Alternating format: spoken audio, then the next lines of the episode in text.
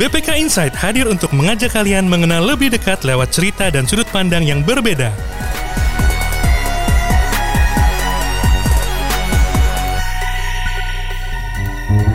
Hai sahabat pembelajar, selamat datang di BPK Insight, podcast pembelajaran BPK Korpo bersama saya Suci Humaira.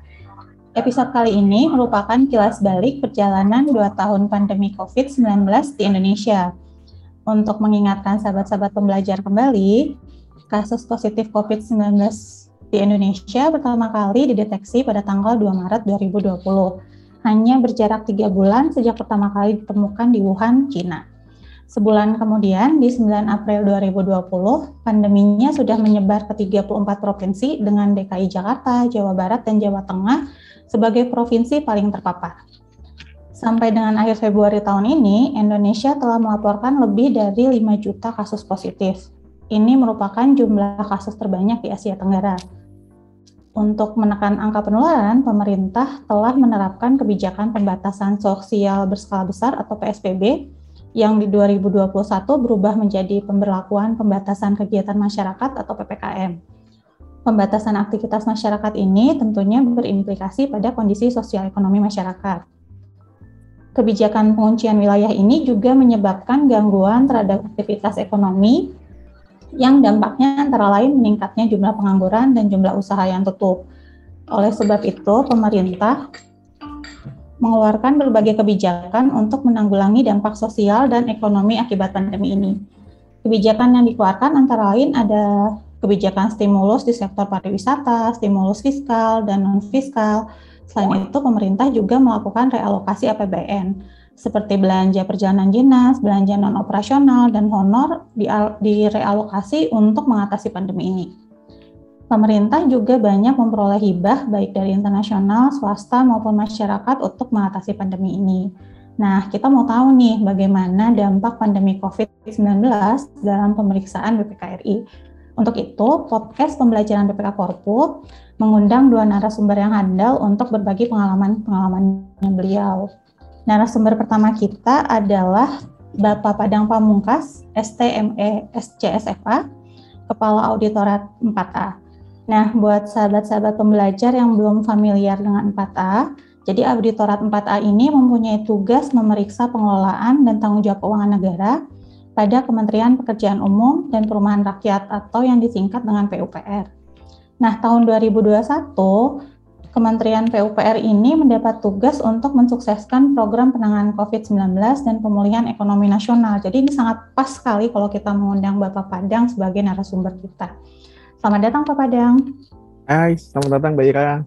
Ya, boleh disapa nih Pak, sahabat-sahabat pembelajar di BPK Korpu nih Pak.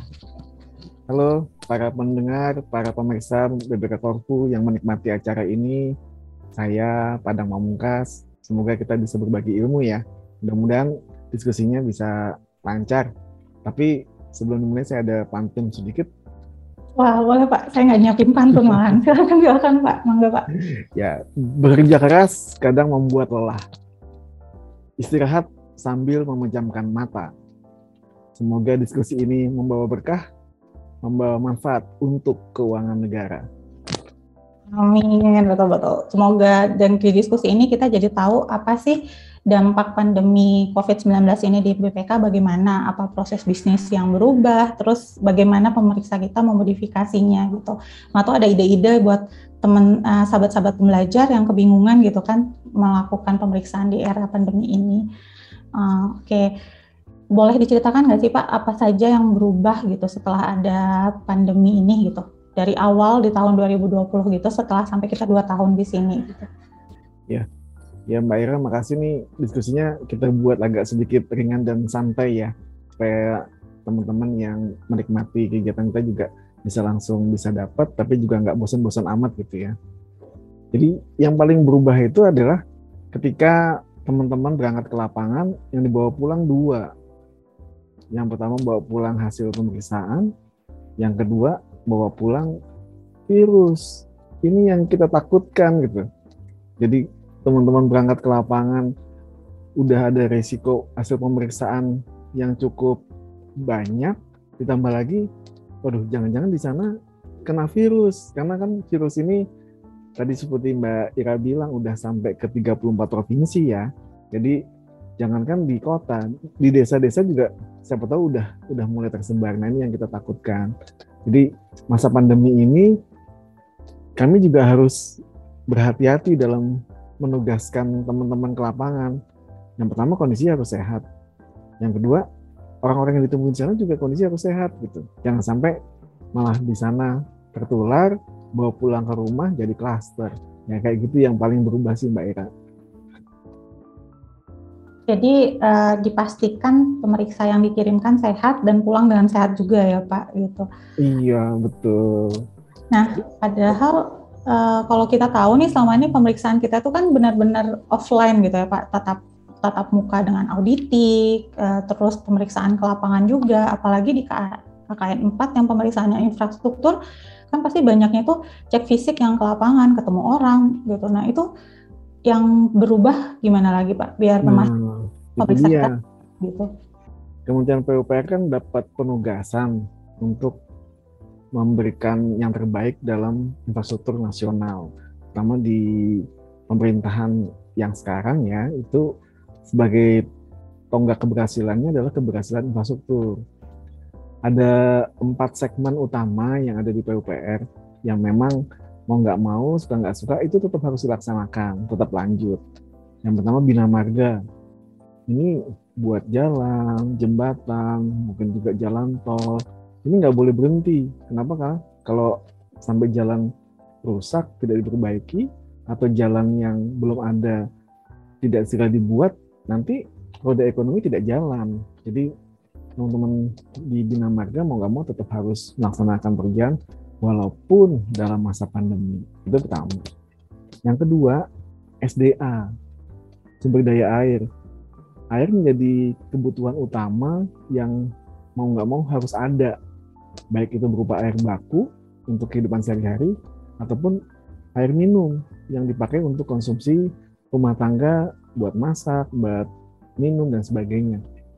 Ini sumber daya air ini dari hulu sampai hilir loh Mbak Ira. Itu harus tetap dilaksanakan. Dari mulai ketersediaan air baku di dari sisi alam sampai itu dialirkan ke masyarakat melalui saluran tersier masuk di dalamnya itu ada waduk ada pengamanan dan sebagainya jadi yang kedua ini juga nggak bisa tidak dilaksanakan tetap harus dilaksanakan yang ketiga perumahan Nah, perumahan ini juga sama. Walaupun tidak semua perumahan menjadi tanggung jawabnya Kementerian PUPR ya, tapi perumahan menjadi salah satu kalau ukur keberhasilan ke ke mandirian bangsa kita gitu. Jadi yang disebut dengan warga miskin atau golongan e, miskin itu adalah satunya tidak memiliki tempat tinggal yang layak. Nah ini Kementerian PUPR ber, berkewajiban untuk mewujudkan uh, perumahan yang layak walaupun dalam kondisi pandemi tetap harus dilaksanakan. Dan yang ketiga itu namanya cipta karya. Ini unsur-unsur yang mendukung ketiga unsur pokok itu ada di sini. Termasuk eh, penataan lingkungan, bikin sanitasi, kemudian membuat eh, lokasi-lokasi menjadi lebih tertata baik. Ini tugasnya di Cipta Karya.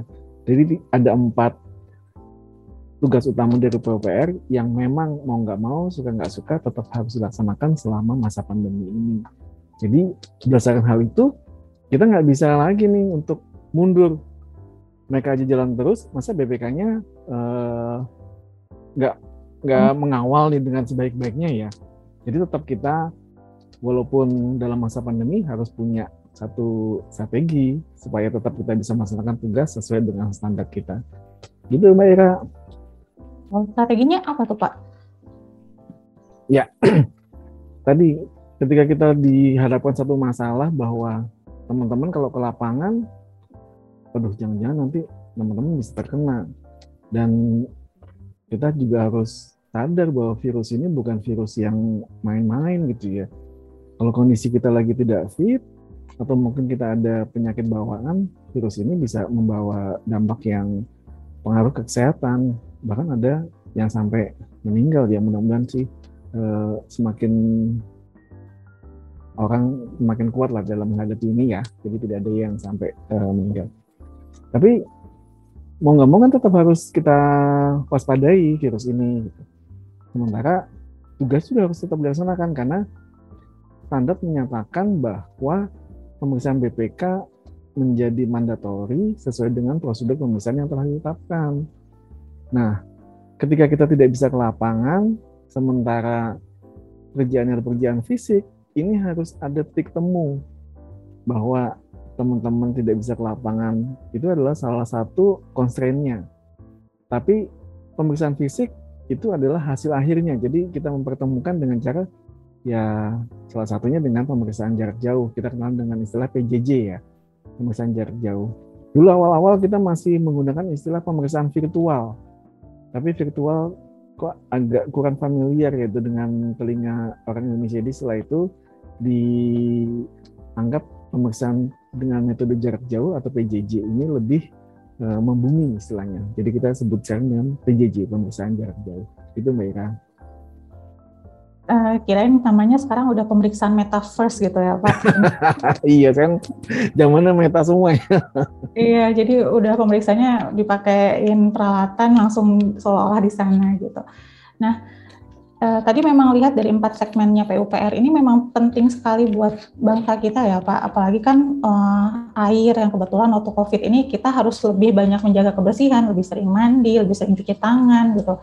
Terus ada juga sanitasinya yang harus dijaga gitu kan. Jadi memang nggak boleh berhenti mereka Pemeriksaan kita juga harus memastikan mereka uh, uh, PUPR ini melaksanakan fungsinya dalam uh, tanggung jawab keuangannya juga dapat dipercaya gitu kan ya Pak.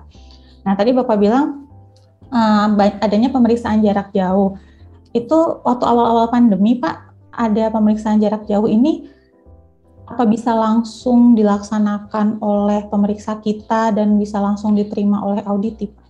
Nah itu, itu ada tiga pertanyaan besar nih Mbak ketika kita akan menerapkan PJJ ini. Yang pertama, apakah metode pemeriksaan ini sesuai dengan undang-undang atau standar? Wah ini kan BPK bisa dipermasalahkan nih kalau bahaya ya Pak. Oh, ternyata pemeriksaan BPK tidak sesuai dengan standar. Itu pertanyaan pertama. Pertanyaan kedua, entitasnya gimana? Entitasnya bisa nerima nih kita menggunakan metode PJJ ini? Jangan-jangan mereka juga berkeberatan kan?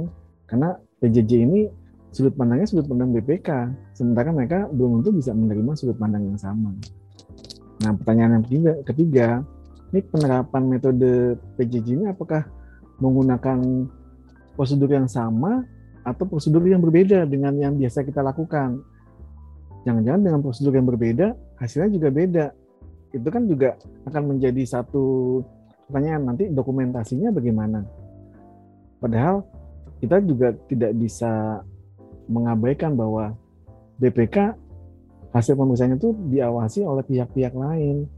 Ada dari eh, BPK negara lain yang juga mempertanyakan sebenarnya BPK telah melakukan prosedur sesuai dengan uh, metode yang benar atau belum sih? Bagaimana hasil pemeriksaannya? Nah, tiga pertanyaan ini yang harus kami jawab dulu nih Mbak Ira sebelum kita melakukan um, metode PJJ ini. Jadi yang pertama harus dijawab terkait dengan standar, kami coba diskusi dulu dengan Litbang BPK, seperti apa nih kami akan melaksanakan uh, pemeriksaan dengan metode jarak jauh ini. Nah, dari Litbang BPK kami mendapat satu penjelasan bahwa sepanjang informasi yang disajikan sesuai dengan kondisi senyatanya di lapangan dan bukti-bukti dokumen yang menunjukkan keaslian dokumen itu bisa dipertanggungjawabkan, itu bisa dilaksanakan. Hanya saja pada saat awal-awal tahun uh, pemeriksaan PJJ ini, Ridwan belum punya Mbak Ira, belum punya uh, juknis. Oh, juknisnya. Nah, juknis belum punya. Jadi akhirnya mereka bilang laksanakan saja dulu dan uh, bagaimana penerapannya nanti sambil berjalan Ridwan juga menyiapkan juknisnya. Itu pertanyaan pertama jadi terjawab ya. Jadi kita tetap sesuai dengan standar. Nah, yang kedua terkait dengan entitas bisa nggak menerima metode PJJ ini? Entitas setelah kita diskusikan, kita yakinkan bahwa yang berbeda hanya satu, Mbak Ira. bahwa BPK tidak hadir fisik di lapangan. Sementara mata kita ada di sana melalui metode yang lain. Sementara orang-orang yang harus hadir, yaitu pihak ketiga sebagai penyedia jasa, kemudian PPK, kemudian inspektorat seandainya di, diharuskan ada, itu semuanya ada karena mereka adalah orang-orang yang memang ada di lapangan. Jadi kita tidak tidak membuat situasi yang baru karena setiap hari mereka memang DBD-nya ada di sana. Hanya BPK aja yang tidak ada di sana, tapi mata kita, telinga kita ada di sana. Jadi harus dengan kita meyakinkan seperti ini, mereka bisa menerima. Ya silakan BPK melanjutkan menggunakan strategi PJJ ini dan itu bisa diterima oleh entitas. Pertanyaan kedua juga terjawab. Nah, pertanyaan ketiga bagaimana dengan metode? Nah, metode ini kami tidak mengubah metode sama sekali dengan pemeriksaan secara offline. Metodenya tetap sama, prosedur tetap sama, dan seluruh hal yang dilakukan secara offline tetap kita lakukan. Bedanya untuk berita acara cek fisik yang ditandatangani dua belah pihak itu dikirimkan dahulu ke kami melalui soft copy dan kita tanda tangan secara elektronik. Jadi kalau biasanya kan setelah pemeriksaan fisik ada penandatangan berita acara di lapangan. Nah ini berita acara itu ditandatangani secara secara elektronik oleh kami. Itu aja bedanya. Sementara bukti cek fisiknya, kemudian eh, misalnya kita harus ngekor jalan gitu ya, hasil perhitungannya itu semuanya ada dan memang secara fisik itu bisa dipertanggungjawabkan. Hanya bedanya kita tidak hadir pada pendatangan berita acara secara fisik, tapi berita acaranya ditandatangani secara uh, elektronik. Jadi atas tiga pertanyaan seputar PJJ ini bisa kita jawab semua dan alhamdulillah ini semua pihak yang terlibat dan yang ber, yang kita anggap akan menjadi uh, pihak yang berkeberatan ternyata semuanya bisa menerima. Begitu Mbak Ira. Oh siap Pak. Cuman saya masih belum kebayang nih Pak bagaimana ya, pemeriksa kita menghadirkan mata dan telinganya secara jarak jauh itu gimana sih Pak? Nah itu dia. Jadi kita uh, satu persatu kita kupas ya secara detail supaya teman-teman yang hadir dalam diskusi ini yang bisa menikmati diskusi ini juga bisa memahami apa sebenarnya yang terjadi di lapangan ya. Jadi kalau kita lihat secara metode kan kita harus ada pengumpulan data dulu atau dokumen sebelum kita melakukan pemeriksaan fisik di lapangan. Itu baik secara offline maupun secara online itu tetap kita harus lakukan. Jadi untuk data dan dokumen kita minta kepada teman-teman penyedia di lapangan dokumennya harus dalam bentuk soft copy dan itu harus kami terima beberapa hari sebelum kami melakukan pemeriksaan fisik di lapangan secara PJJ. Jadi dokumen itu kita terima dulu, kita pelajari dulu, dan kita sepakati mana hal-hal yang akan kita uji di lapangan. Jadi sebelum kita ke lapangan, kita harus memastikan dulu mana yang akan kita uji sehingga nanti efektif dan efisien pada saat kita melakukan diskusi PJJ. Setelah analisis dokumen kita dapatkan, kemudian kita membuat eh, review atas hal-hal yang kita uji di lapangan, kita pastikan titik-titik mana yang akan diuji, dan setelah itu kita minta wawancara dulu, Mbak Ira di awal kita wawancara dulu kepada para penyedia jasa maupun PPK untuk memastikan bahwa metode yang akan kita lakukan ini mereka sudah setuju dan bisa dilaksanakan sesuai dengan waktu dan tempat yang sudah kita perjanjikan. Nah kemudian kita kan akan memastikan nih Mbak, bagaimana caranya supaya mata dan telinga kita ada di sana kita uji sinyal dulu Mbak Mbak Ira. Iya ya betul. Kalau nggak ada sinyal repot ya Pak. Jadi untuk daerah-daerah yang kita gunakan metode PJJ ini ada dua kondisi. Yang pertama ketika daerah itu tersedia sinyal, otomatis kita bisa melaksanakan secara langsung. Jadi kita menggunakan video Zoom. Jadi di sana ada yang mengaktifkan Zoom dengan kamera di sana, kita aktifkan dari sisi BPK kita ada adminnya juga. Dan juga ada pihak-pihak yang menghitung. Jadi dengan aplikasi Zoom salah satunya ya bisa juga aplikasi yang lain juga ada Google Meet dan sebagainya sebenarnya bisa. Tapi kami yang selama ini kami lakukan lebih banyak menggunakan Zoom. Jadi kamera dan video kita aktifkan sehingga suara dan gambar bisa diterima oleh kami pada saat mereka melakukan pengujian fisik di lapangan. Nah, dengan menggunakan uh, kamera dan video ini, otomatis telinga dan mata kita bisa ada di sana walaupun posisi kita ada di kantor, kita bisa sambil di ruangan, sambil minum teh gitu ya, dan menikmati snack, tapi tetap kita bisa menyaksikan teman-teman penyedia dan PPK di lapangan melakukan perhitungan. Gitu Mbak Ira.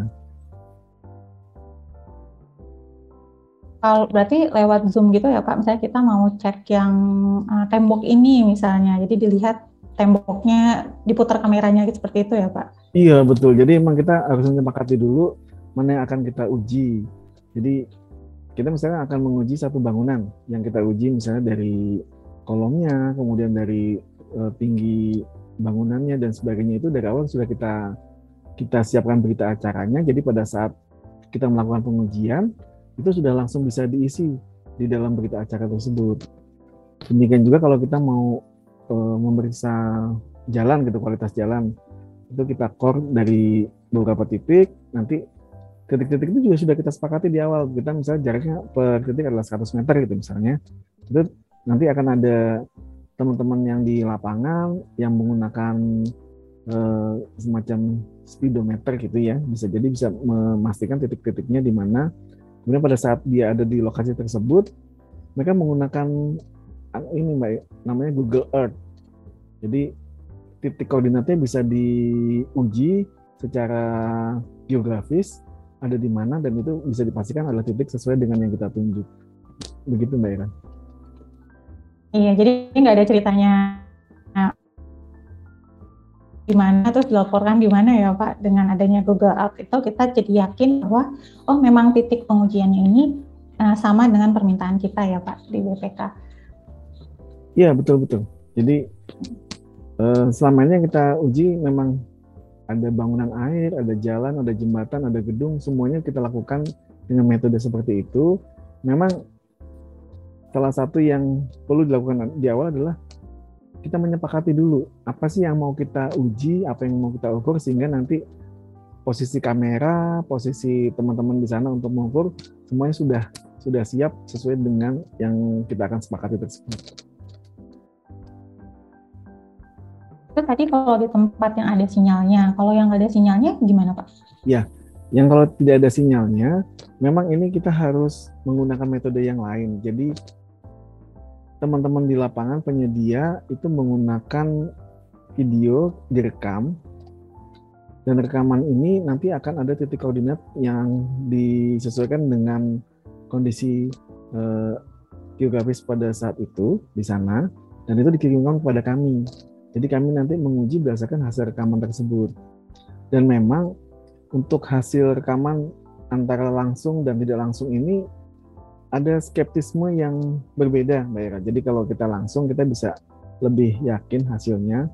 Tapi kalau ini divideokan atau direkam oleh mereka sendiri sesuai dengan sesuai dengan eh, titik-titik uh, yang mau kita uji, yang sudah kita sepakati, kan kadang-kadang kita nggak tahu ini sebenarnya titik ini benar nggak sih di lokasi yang akan kita uji kan untuk misalnya di tengah hutan gitu ada pembuatan P3 TGI itu terkait dengan eh, pembagian air irigasi. Hitungannya hanya sekian ratus meter gitu. Dan itu lokasinya ada di tengah hutan. Dan kita nggak tahu ini hutannya hutan yang benar atau bukan gitu. Nah salah satu yang meyakinkan bahwa memang daerah itu sesuai dengan yang kita tunjuk itu tadi dengan menggunakan uh, koordinat yang ada di dalam Google Earth. Itu bisa bisa menambah keyakinan kita bahwa daerah tersebut adalah daerah yang memang kita uji. Oh siap, jadi bisa ini ya Pak tingkat keyakinan kita terhadap uh, video yang diberikan oleh uh, audit itu juga meningkat gitu.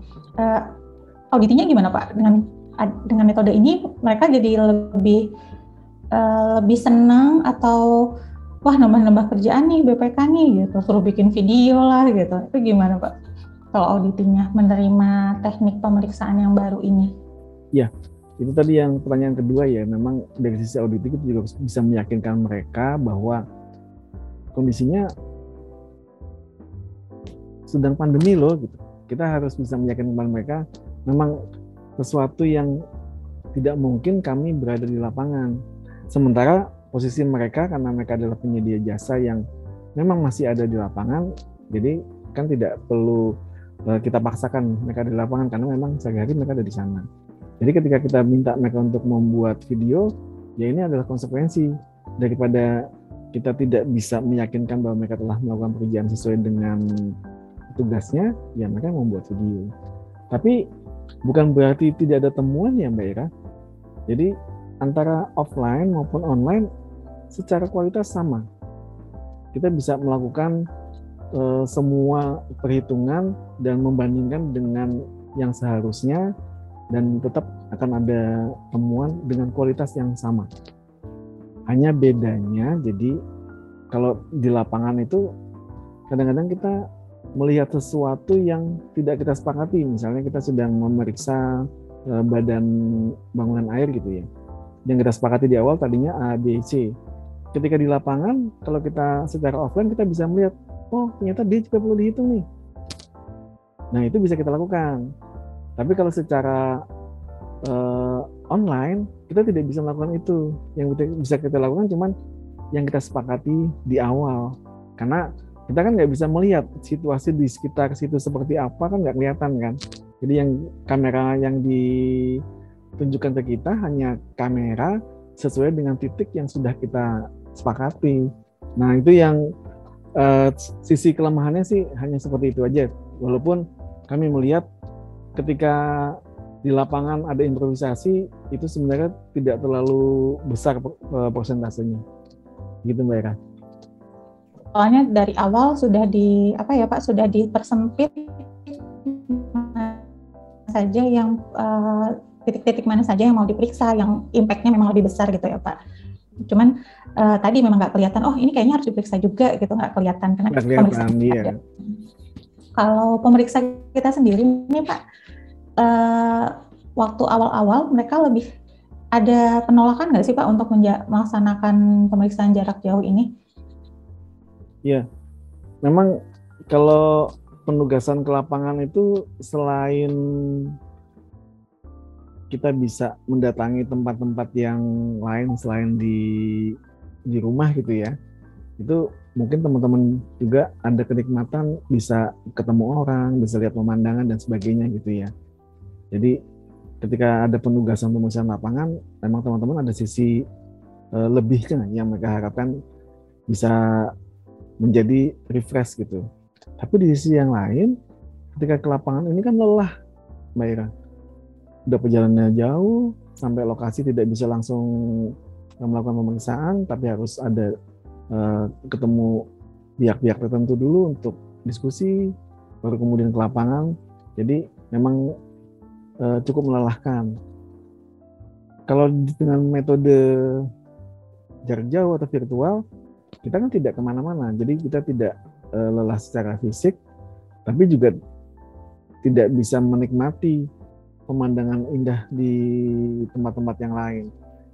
Dan kondisi ini kita sampaikan kepada teman-teman ya lebih kurang lah. Ada yang bisa bilang ya memang lebih enak untuk pemeriksaan secara uh, online nih Pak, karena kami kan ada di ruangan, kita bisa cukup melihat ke layar laptop saja gitu. Tapi ada juga yang bilang, waduh kalau kita nggak jalan-jalan nanti nggak ada refreshingnya nih Pak. Nah ini memang dua hal ini yang harus kita pertemukan.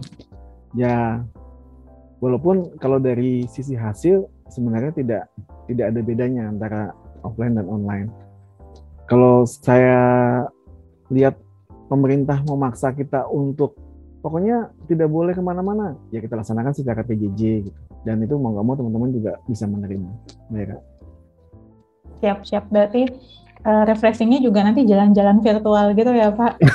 Iya betul. Buka Google Maps sama-sama lihat ini nih uh, hotel yang harusnya kita tinggalin di sini gitu tapi nggak bisa gitu. Oke, jadi ternyata memang uh, hasilnya sama hasilnya sama kualitasnya gitu ya Pak ya. Mau uh, pemeriksaan jarak jauh ataupun pemeriksaan yang sudah kita lakukan selama ini. Nah, kalau misalnya pandeminya nanti udah udah bukan pandemi lagi nih Pak, kita badannya lebih kuat, kena pun cuman biasa-biasa saja seperti flu gitu. Adakah yang masih mau diteruskan Pak dari metode-metode yang di PJJ ini? Iya. Jadi setelah kita yang mungkin kalau bahasa bahasanya itu sekarang di mana ada kesulitan di situ ada cara untuk mengatasi kesulitan gitu ya. Jadi adanya wabah ini membuat kita menjadi lebih berpikir out of the box. Kita punya terobosan-terobosan baru yang akhirnya bisa memanfaatkan juga. Dan dengan adanya metode PJJ ini, walaupun nanti katakanlah wabahnya sudah berkurang dan itu menjadi flu biasa gitu ya, kita dapat keuntungannya bisa menambah uh, lingkup pemeriksaan jadi itu yang menurut kami ini sangat sangat sangat bermanfaat karena otomatis audit coverage kita bisa menjadi lebih banyak. Jadi tempat-tempat yang butuh waktu yang lama dan e, untuk mencapai ke sana itu sangat sulit misalnya sepanjang itu bisa kita lakukan dengan jarak jauh otomatis tetap bisa kita uji. Tapi untuk tempat-tempat yang secara e, lokasi bisa kita jangkau dan nilainya cukup besar, itu nanti tetap dilaksanakan secara offline. Jadi kita akan mixkan antara metode jarak jauh dengan metode offline. Dampaknya kita bisa mendapat nilai audit coverage yang lebih lebih tinggi lagi. Jadi sampel yang diambil nanti bisa lebih besar ya Pak, lebih banyak buat uh, di auditnya ya Pak? Iya betul, sampel yang diambil bisa lebih banyak dan otomatis jangkauan kita juga jauh lebih lebih luas. Hmm, jadi nggak ada halangan, letaknya jauh sekali lokasinya, pulang perginya seharian gitu, nggak ada halangan lagi nanti ya Pak? Nggak ada halangan lagi. Kira-kira nih Pak, buat yang uh, buat sahabat-sahabat pembelajar, Pak Padang punya pesan-pesan apa nih Pak yang berkaitan dengan pandemi, terus uh, metode-metode pemeriksaan yang dimodifikasi, ada pesan-pesan nggak nih Pak? Ya, jadi nanti dalam waktu beberapa hari ke depan kami akan kirimkan ke BBK Korpu ya terkait dengan video-video kami pada saat pemeriksaan dengan metode jarak jauh ini. Dengan video-video ini itu akan lebih lengkap, lebih jelas hal apa saja yang teman-teman akan lakukan di lapangan, bagaimana caranya, dan standar apa yang digunakan sebagai dasar. Karena sekarang sudah ada petunjuk pelaksanaannya yang dikeluarkan oleh Litbang.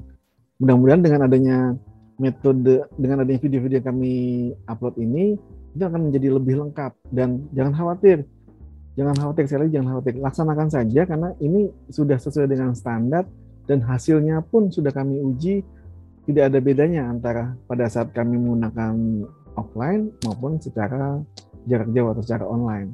Jadi untuk teman-teman ini merupakan satu cara yang menurut kami menjadi terobosan dan bisa dilaksanakan karena ini tadi manfaatnya salah satunya adalah bisa memperluas audit coverage gitu Mbak Mbak Ira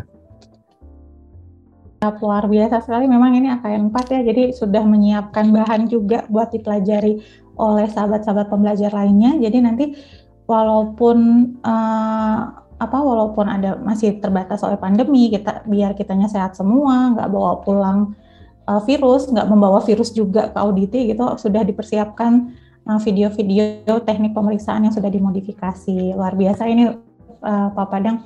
Uh, AKN 4 nih kalau boleh tahu nih Pak, biasanya ide-ide untuk memodifikasi metode pemeriksaannya itu datangnya dari siapa aja nih Pak di AKN 4? Ya, kebetulan di kami memang berkumpul teman-teman yang ahli pemeriksaan infrastruktur, Mbak Ira.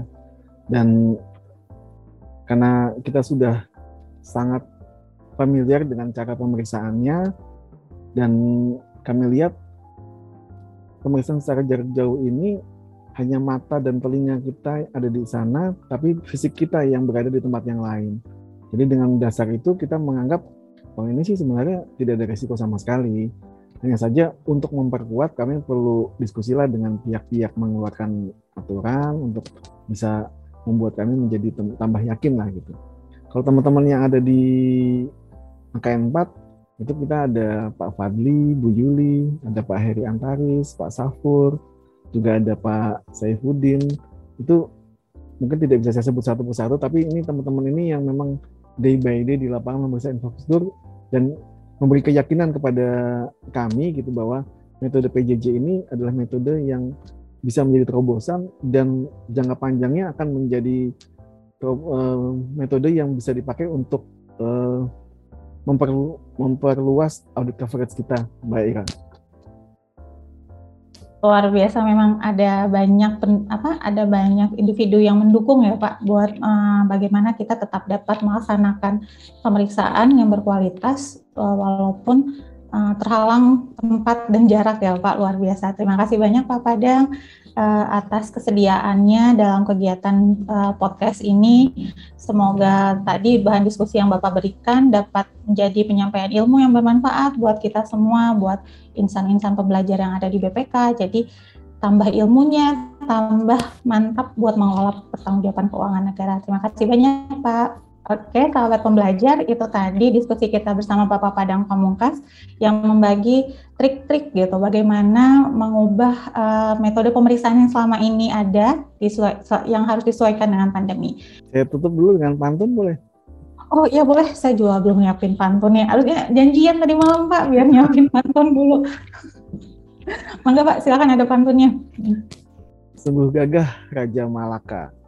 Dari Malaka ke negeri Campa. Sampai di sini diskusi kita. Waalaikumsalam. Sampai jumpa.